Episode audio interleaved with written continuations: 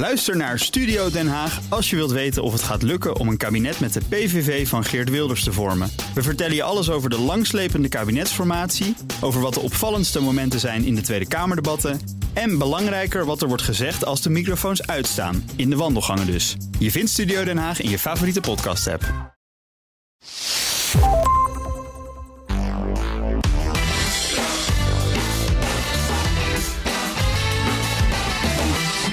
In de Ben Tichelaar podcast interview ik wetenschappers die onderzoek doen naar persoonlijk leiderschap, werk en management.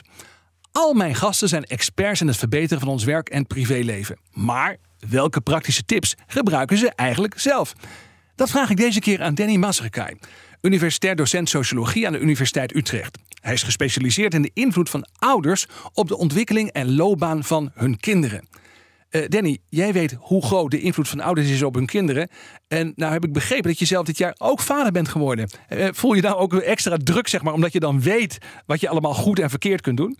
Dat klopt zeker. Eh, mijn kind is uh, acht maanden oud nu. En ik ben zeker bewust aan het nadenken hoeveel impact ik kan hebben op het kind. En ik vind het natuurlijk belangrijk dat het kind niet uh, zomaar het beroep overneemt van mij. Want mijn beroep is ook een beroep dat uh, vaak uh, eigenlijk ehm, van, van de ouders naar de kinderen gaat. En dan bedoel je specifiek sociologisch onderzoeker of bedoel je gewoon werken aan de universiteit? Werken aan de universiteit of onderzoeker ah, ja. of zo. Dus ik weet dat dit eigenlijk van, van de ouders naar de kinderen gaat. Dus ik ga proberen om ervoor te zorgen dat mijn kind ook een breed gamma aan, aan, aan ja, verschillende beroepen beroepen kan bekijken. En... Hoe ga je dat doen? Ga je dan voordat je thuis komt verkleed als brandweerman of zo? Of als postbode? Of wat ga je doen? Dat uh, zeker niet, maar uh, wel praten over verschillende beroepen en kijken naar de interesses van mijn kind. Uh, waar, waar liggen ze? Wat vindt zij interessant? En, en zo proberen te, te begeleiden van oké, wat wil jij doen? Hoe, hoe, hoe ja. denk jij erover? In plaats van gewoon te sturen van oh, mijn beroep is uh, zeer goed. Ik doe mijn beroep graag.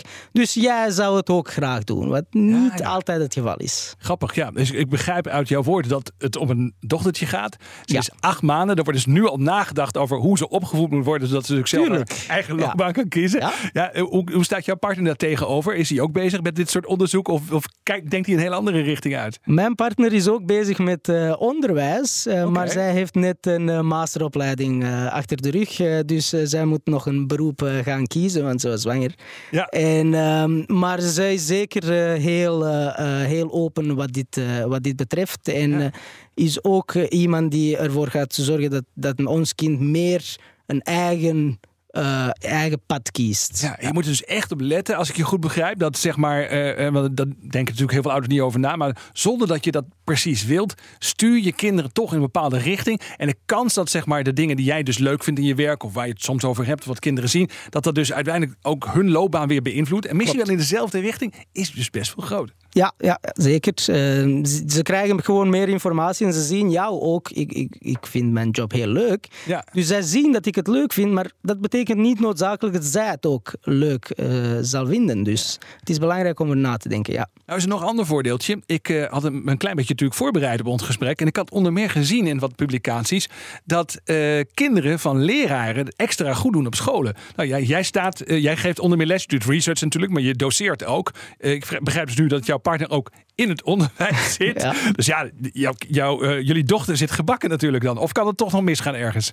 Het kan natuurlijk misgaan, maar wij hebben wel natuurlijk een voordeel hier. Want ja. wij kunnen zelf bijles geven. We weten uit het onderzoek dat bijles heel, uh, een heel groot impact kan hebben. Ja. En natuurlijk, we weten ook hoe het werkt. We hebben daarnet gepraat over cultureel kapitaal. Ja. Dus we weten ook hoe dat zoiets werkt en wat belangrijk is. Dus het is natuurlijk uh, een voordeel. ja cultureel kapitaal. Daar hebben we het grote gesprek. Hè? Dat is een andere Klopt. podcast. Ja. Maar hè, die kunnen mensen vinden op bnr.nl slash stichelaar of in een podcast app. Maar dit culturele kapitaal, kun je dan nog kort even vertellen hoe je als uh, leraren, onderzoekers, uh, nou ja, academici, hoe je dat dan doorgeeft aan je kinderen? Wat, wat doe je dan precies?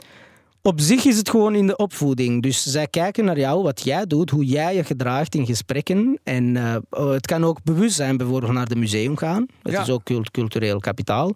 Uh, maar vaak is het gewoon om te zien hoe gedraag jij jezelf in een bepaalde context. Ja, ja. En in mijn geval is het, ik heb vaak gesprekken thuis met, met andere academici. We hebben, uh, ik doe ook telewerk. Ja. Dus zij kan dan perfect zien van hoe ik omga uh, hiermee. En dus zelf gaat dit soort van uh, kennis door naar haar. Ja, en het gaat ook dan om subtiele dingen. Dus stel ik me voor, even in ons eigen gezin bijvoorbeeld. Uh, wij hebben vier dochters, die zijn al wat ouder. Maar heel veel gesprekken ook gehad in het verleden... dat als kinderen met een verhaal thuis kwamen, zeiden van... ja, maar dat is één bron. Er zijn er meer bronnen. En dat is typisch iets voor als je journalist of als je academicus bent... dan ga je dat soort dingen vragen. En dat soort dingen praat je dan ook over. Dat, dat, dat verandert dus ook de manier waarop je kinderen omgaan met onderwijs. Zeker, uh, dat is zeker juist. Dus ze kijken naar wat jij doet en ze gaan ook uh, dit mee oppikken, ja.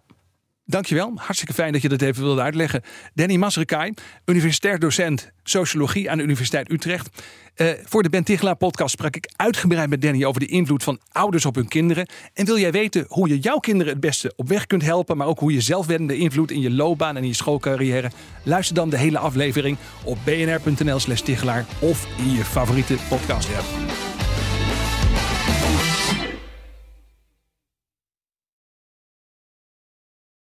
Ook Diana Matroos vind je in de BNR-app. Ja, inderdaad. Je kunt live naar mij luisteren tijdens de Big Five. Ook handig in de BNR-app. Breaking nieuwsmeldingen, maar ook het allerlaatste zakelijke nieuws. En je vindt in de app alle BNR-podcasts, waaronder Wetenschap Vandaag. Download nu de gratis BNR-app en blijf scherp.